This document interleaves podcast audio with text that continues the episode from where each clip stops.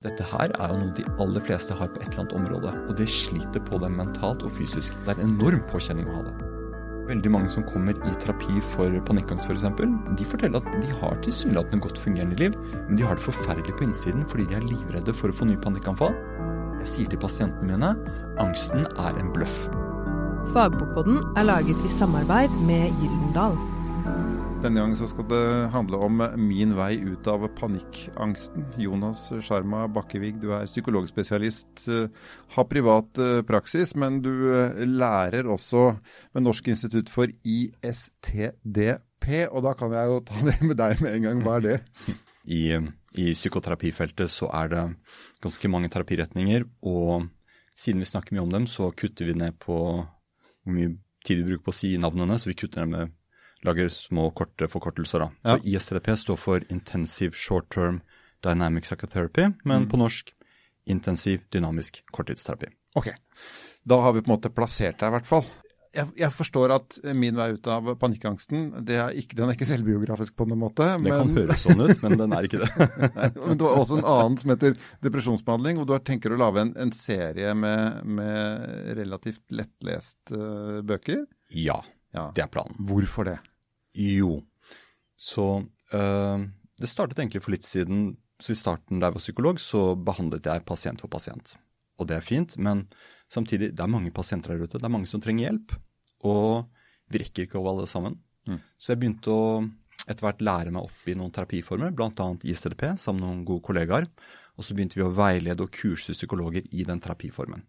Og da merket jeg at jeg kunne nå langt flere pasienter ved å veilede altså kollegaer som da når enda flere pasienter. Og så tenkte jeg kan jeg nå enda flere med det, det lille jeg kan? Uh, og da kom jeg på denne bokserien som var en idé. Og det planen da, det er å lage en, uh, vår versjon av Lonely Planet.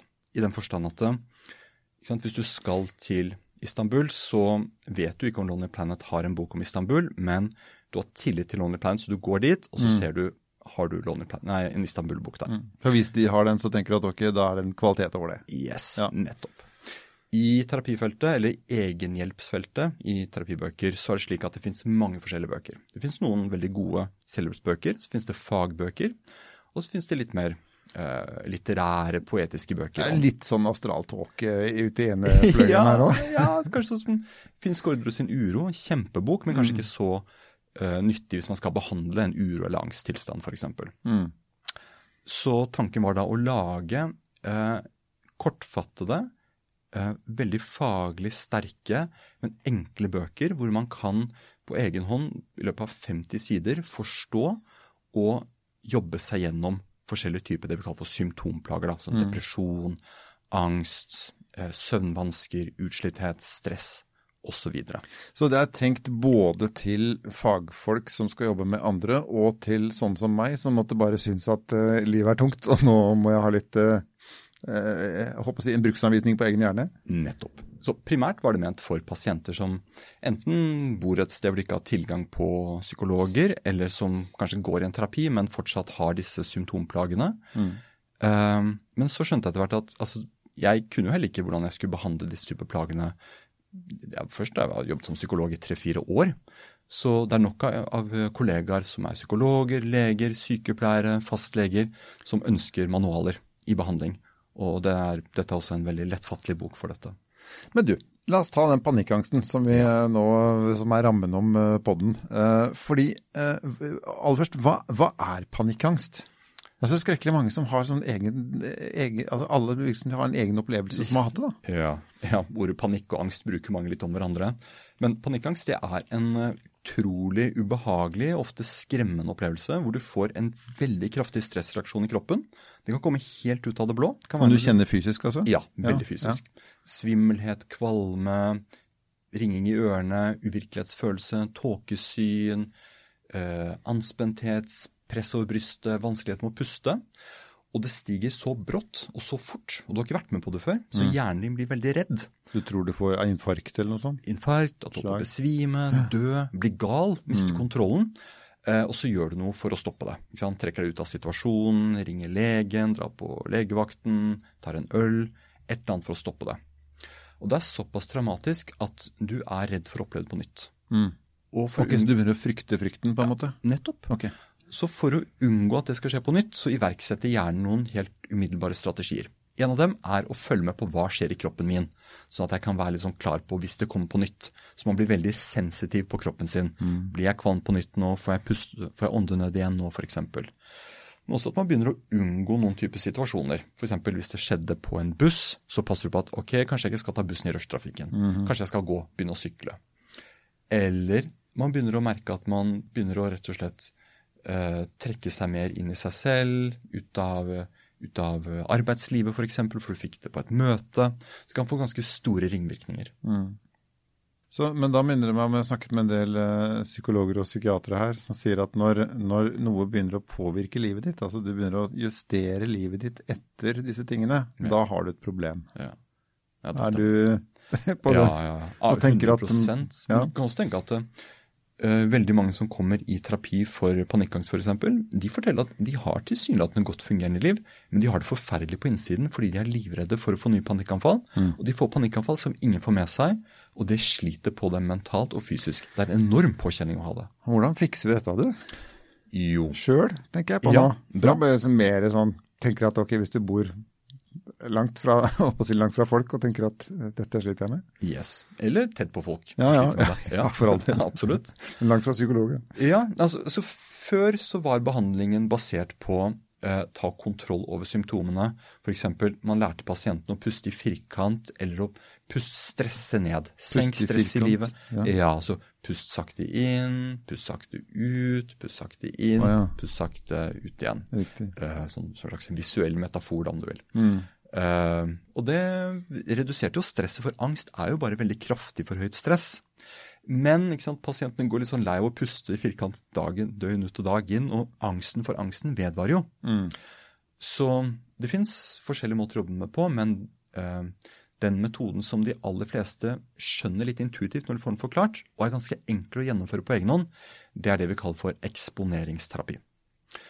Og det handler rett og slett bare om et veldig enkelt prinsipp, og det er at sant, angst er jo ikke farlig, Nei. eh, men det hjelper ikke at jeg sier det til en pasient. Slapp av, det er ikke farlig, behandling er over. Angsten responderer ikke på en forklaring. Det angsten trenger, det er en erfaring. Litt som flyskrekk, liksom. Ja, nettopp. Så hvis du f.eks. er redd for å hoppe fra timeteren på Frognerbadet, så kan du møte 20 badevakter som sier det går bra, Mm. men det er ikke før du har hoppet 20-40 ganger at du tror på at det går bra. Okay. Rett og slett fordi du har erfart det selv. Men så kommer vi til flyskrekk, f.eks. Mange som har hatt flyskrekk, har jo likevel fløyet. Mm. Så hvorfor går ikke angsten over? Jo, de har eksponert seg for selve denne situasjonen hvor de får angst. Men de glemte en ting, og det er at først må de bli trygge på det som skjer i kroppen deres. De må bli trygge på disse stressymptomene. Så la oss si en som f.eks. har et angstsymptom som handler om svimmelhet. Vel, da vil jo den personen være ganske Når svimmelheten kommer, så er det forbundet med et angstanfall. Så hjernen, basert på ren assosiasjon, vil jo da bli stresset. Den tenker nå kommer angsten, hjernen blir stresset, da stiger svimmelheten, og så kommer de andre symptomene, og så kommer panikkanfallet. Så det første vi gjør når vi behandler denne panikkangsten, det er å hjelpe denne personen å bli trygg på svimmelhet. Ok. Så det vi gjør da, det er at vi begynner å spinne rundt i sirkel sammen. Å ja. Rett og slett for å bli svimmel og god, kjenne åssen Ja. det kjennes ut. Ja, for å Når man ikke ellers på, har angst. Ja, for å trene på svimmelhet. Ja. Og den svimmelheten de får da, den er langt høyere enn den svimmelheten de klarer å få når de får panikkangst. Ok. Og når de da får en svimmelhet på skala fra 1 til 10, da, så er det svimmelhet på, på en nier på kontoret mitt, og de så får en svimmelhet på en treer eller firer på bussen, Ja. så tenker jeg gjerne automatisk dette er jo ingenting i forhold til det som skjedde på kontoret til Jonas. Og så blir man ikke så redd. Så du kobler på en måte inn intellektet og gir det altså, du, Nei. Å nei. Ikke ennå. Vi kobler inn erfaringen. Okay. Intellektet det bruker vi bare for å forstå hvorfor vi gjør det vi gjør. Dette er rent erfaringsbasert. Mm. Så det er akkurat som sant, du holder podkast, jeg vet ikke hvor lenge du har gjort det, men kanskje første gang var du litt nervøs. Nå gang nummer jeg vet ikke, 40 100 000, så er du trygg, for du har gjort det mange mange ganger. Så på samme måte, du kunne godt møtt en mentor som sa slapp av, dette går bra, podkast går greit, gjestene er hyggelige. Det er først gjennom erfaring at du virkelig tror på det dypt innerst i din sjel og i ditt hjerte. Mm. Så uh, intellektet det kobler vi på i starten for å hjelpe dem å forstå hvorfor skal vi gjøre dette. Men litt på slutten av behandlingen så pleier jeg også å koble litt på intellektet, og det handler om Når du jobber med angst på den måten her, så er det veldig bra fordi du blir trygg. Du blir trygg i kroppen din og blir trygg i disse situasjonene du før fikk angst. Mm. Men dette har jo en kjempeoverføringsverdi. Tenk på ting som ikke har noe med angst å gjøre, f.eks. å be om mer i lønn. Alle syns det er ubehagelig. Ja. Men prinsippet er det samme. Hvis det er noe som er ubehagelig, men som i utgangspunktet er trygt, vel, da vil de fleste vegre seg for å gjøre det. Men det går også an å gjøre det likevel. Og for hver gang du gjør det, så trener du opp denne modigheten på innsiden som gjør at komfortsonen din øker. Ja, Men så er man redd for å få den smellen, da. Ja. Man er redd for å dumme seg skikkelig ut. Ja. Så man blir satt Ikke, ikke, ikke få bygd en stein opp på en stein, men blir kjørt helt i kjelleren. ja. Så der kommer en veldig viktig ting når det gjelder angst. Angst fungerer slik at når angsten kommer, og du stritter imot eller forsøker å kontrollere den, så stiger den faktisk. Mm. Det som skjer da, det er at hjernen din lurer på hvorfor stritter vi mot denne angsten? Hvorfor forsøker vi å kontrollere den? den dette er farlig, og da stiger stresset, og da stiger også angsten. Det vi gjør når vi begynner å leke med disse symptomene, og etter hvert situasjonene, det er at vi lener oss inn mot angsten. Vi rett og slett forsøker å få angst. Jeg sier til pasientene mine angsten er en bløff. Du er som å spille Provosere poker. den fram, liksom. Ja. Kom og ta meg. Ja, kom og ta meg. Helt riktig. Angsten er en tom bløff. Så vi sier til angsten gjør ditt beste. Forsøk å få meg til å dø. Forsøk å få meg til å bli gal. Forsøk å få meg til å besvime. Og det man merker, det er at jo mer du utfordrer angsten, jo mindre kraft får angsten. Men nå høres det ut som du Det du forteller nå, er jo det stikk motsatt det man, det man intuitivt gjør. Ja. Når man lar være å gå på bussen fordi man tror det var der man fikk angst, eller lar være å gå på jobben fordi man fikk hetta på et møte, Nettopp. så, så, så er det det stikk motsatte man skal drive med. Ja. Og det tenker jeg er viktig at du tar opp der. fordi noe av det første jeg sier til pasientene mine, det er at eh, Men det er jo ikke gøy. Vel, det blir gøy. Det blir okay. gøy. Men start på behandlingen er litt tøff. Men det første jeg tenker man må høre, det er at eh, det at du har unngått alle disse situasjonene, det at du forsøkte å kontrollere angsten, det hadde også jeg gjort. Hvis ikke jeg visste hva angst var, hvordan jeg skulle behandle det. Mm. Ja, for det er jo helt er naturlig, ikke sant? Ja, ja, helt naturlig. Men det gjør også at man går litt rundt med en følelse av å føle seg litt eh, feig, på en måte. Man blir veldig forsiktig. Og det er det som er Ja, man, man gir jo tapt, på en måte. Ja, Stikker jo av. absolutt. Og det er ingen som sitter igjen med en god følelse da. Men da på den andre siden, når man har gått gjennom denne eksponeringsbehandlingen, da har du faktisk overvunnet angsten. Og har du gjort det, da er du ganske modig. Den mestringsfølelsen du sitter med da, den er ganske stor. Da må jeg stole på andre folk òg. For at det jeg sliter med, ikke sant? det sliter jo ikke andre med. Så de syns jeg bare er dust som sliter med de tingene jeg sliter med. Og så synes jeg de er dust. Altså, vi, vi- vi anerkjenner på en måte ikke det at for den det gjelder, så er det stort, da. Det er 100 Det er jo som høydeskrekk. Jeg mener, Snakk med en som ikke har høydeskrekk med høydeskrekk. Ja. Han syns du er helt tåpelig, ikke sant. Hva er det du bærer deg for? Mens hvis man selv har hatt angst, eller har jobbet med angst, så vet du at den som har angst for å ta flyet, den som har angst for å få et panikkanfall, den som har angst for å bli kvalm, få tåkesyn, uvirkelighetsfølelse, og likevel oppsøker det, det er definisjonen på mot. Mm. Det er den tøffeste på det er flyplassen i den New tøffeste York. på flyplassen. Der har du det. ok, jeg skjønner. Ja, men da Men, men, men kan det skje noe galt? Uh, man går jo Altså, jeg vil jo gjette på at dette her har jo eh, nesten en sånn u, uant skala. Stopper ikke på ti, liksom. Eh, kan det gå gærent at du kan ha så kraftig angst at du ikke bør rote med dette aleine? Uh, Og hvordan vet man det i så fall? Bra. Så det er særlig to tilfeller hvor jeg anbefaler å vente litt grann med den type arbeid. I det ene tilfellet så handler det om f.eks. en del opplever åndenød, altså vanskeligheter med å puste og trekke pusten helt, og de føler at det blir kvalt. Ja. Ok, Hva handler terapien om da? Jo, det handler om å leke med det. Så vi øver oss på nesten å kvele oss selv litt. Skap, simulere en kvelingsfølelse som er kraftigere enn den du får når du får angst. Ok, so far so good. Men la oss si at du har hatt en nestendrukningsulykke som er et traume i livet ditt. ja, som er reell. Nettopp. Da vil den øvelsen kunne trigge det traumet. Så jeg sjekker alltid ut om du har noen sånne traumer i bunn som kan bli trigget av disse symptomene. Da bør det jobbes med først. Ok. Det er den ene biten. Det gjelder heldigvis ikke så mange. Så hvis du har en i familien som har omkommet i en flyulykke Det går bra. Det går bra. Typisk. Det sterkeste er hvis du selv har vært i livsfare. Okay. Hos noen som har vært utsatt for vold også, så kan det være ja, det, det forstyrrer behandlingen veldig mye. Blir mer ubehagelig enn trenger å være. Det andre tilfellet det er de som lever et liv som er veldig, veldig stressende akkurat nå. Du er midt i oppussing, akkurat fått barn, konflikt på jobben, konflikt med naboen, og kona har kanskje fått en alvorlig sykdom. Alt er balla på seg akkurat nå. Da har du såpass høyt stressnivå i utgangspunktet at denne behandlingen kan rett og slett bli litt overveldende. Mm. Og da anbefaler jeg først å få styr på det ytre stresset i noenlunde grad Mm. før du gjør denne type behandling. behandling. Så du må få dempa belysningen litt, på en måte. Du, yeah. må, du må komme deg i en, sone hvor du på en måte har litt overskudd. Ja, fordi denne behandlingen baserer seg på et veldig menneskelig premiss, og det er at kroppen rydder opp i det meste på egen hånd. Hvis du har feber, det er ikke sånn at legen gjør noe som gjør, som gjør deg frisk. Man bare tar bort de hindringene som gjør at kroppen klarer å hele seg selv. Eh, På samme måte, hvis du løper opp en bakke for høy puls, så vil pulsen falle seg selv når du stopper opp. Når du trigger et angstsymptom med vilje, så vil symptomet komme, og så vil det gå over av seg selv. Men hvis du har et høyt stressnivå i utgangspunktet, så vil angsten bruke litt tid på å falle. Mm. Og det kan gjøre behandling litt sånn ubehagelig. Og dette er en type behandling hvor du har lyst til å få en suksessopplevelse. Du har lyst til å kjenne det Du har lyst til å kjenne at det funker. Ja. Jeg skjønner, ja. Men eh, kan man ta dette i sånn i miniformat også? Vi har jo alle ting vi ikke digger og striver og unngår. ikke sant? Mm. Jeg kan ha det på å fylle ut selvangivelsen. Jeg synes det, Man kan ha ordentlig vegring, sitte og vente og vente og vente. og vente til jeg skjønner bare at nå må du gjøre det. Ja. Eh, og så kan jeg ha litt små edderkopper. Det finnes Ja. ikke farlige edderkopper i Norge, så man kan egentlig bare leke med edderkopper. Altså, Er det lurt? Altså, uh... Få en ut av det, da. Få en ut av det på en måte og uh, face my fears. Altså, Hjelper det meg på noen måte, eller kan jeg bare ha dem og så er det greit? ja. altså, på to måter kan det hjelpe. Det ene er at eh, man slipper å være redd for edderkopper. Og ja, det finnes litt edderkopper i Norge. Er du redd for slanger, så kan du leve fint med det i Norge. Ja. Men det tjener også en dypere funksjon, og det handler om det jeg tok opp med modighet og mestring. Fordi det er noe som sitter dypt, dypt inni oss.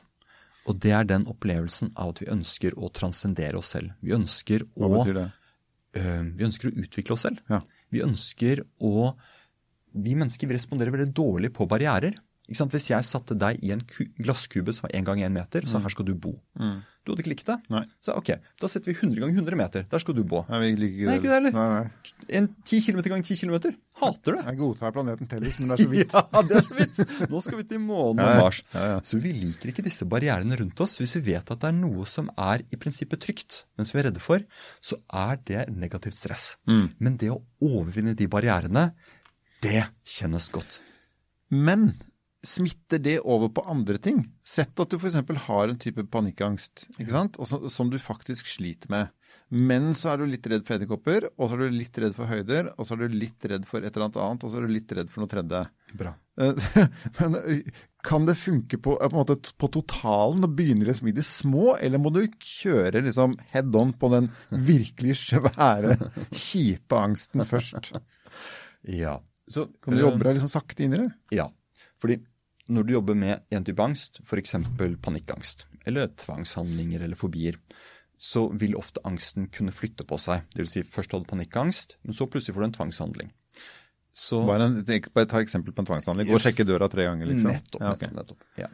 Så jeg pleier ofte å sammenligne det med det. På tivoli så er det sånn whack-a-mole, hvis du har sett det hvor du på en måte du slår ned en muldvarp, og så dukker den opp et annet sted. Ja, ja, ja. den, dukker opp et annet sted.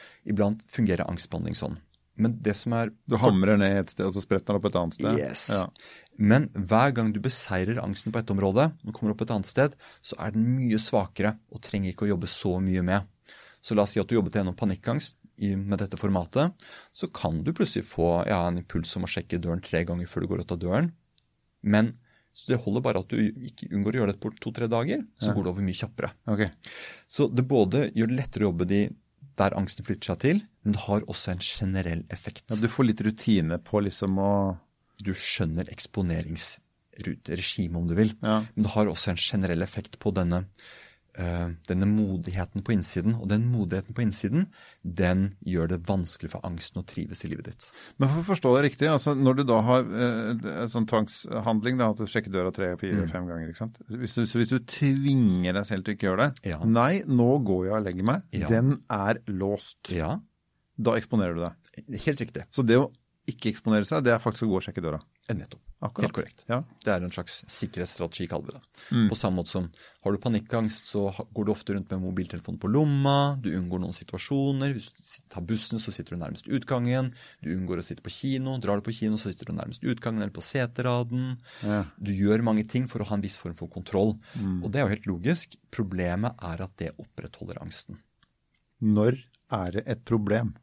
Alle, vi har jo et eller annet alle sammen. Ja. Vi kan jo ikke være syke hele gjengen. Vi, vi må jo se, vi må jo liksom trekke, trekke en linje.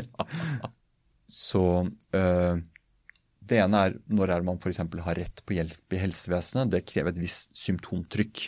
Mm. At du er såpass plaget at man tenker ja, du har rett på behandling. Men jeg tenker dette her er jo noe de aller fleste har på et eller annet område. Hvor det er noe som er naturlig, Mm. men som man vegrer seg for eller blir stresset av. Det kan være å ta kontakt med jenter. Det kan være å klage Eller på en vare i butikken. Eller gutter, for den saks skyld. Eller hen. Ja. Ja, hele henne, ja. Eh, Klage på en vare i butikken. Eh, starte å male en vegg fordi du ikke helt vet hvordan du skal male vegger. Mm. Så det ene handler om selve å gjøre det man er engstelig for. Det andre, som jeg også er veldig stor fan av, det er tåle å trene på å feile litt. ja. Yes, Senke den terskelen for hvor Det perfekt gikk det skal dritt, være. men det gikk bra. Yes, det gikk dritt, men jeg gjorde det. Mm. Jeg prøvde å gjøre det. Mm. Ja. Hvordan verden reagerer på det du gjør, det er sekundært. Primæret er tar du et steg ut av komfortsonen. Du har hørt Fagbokpodden, som er laget i samarbeid med Gyldendal.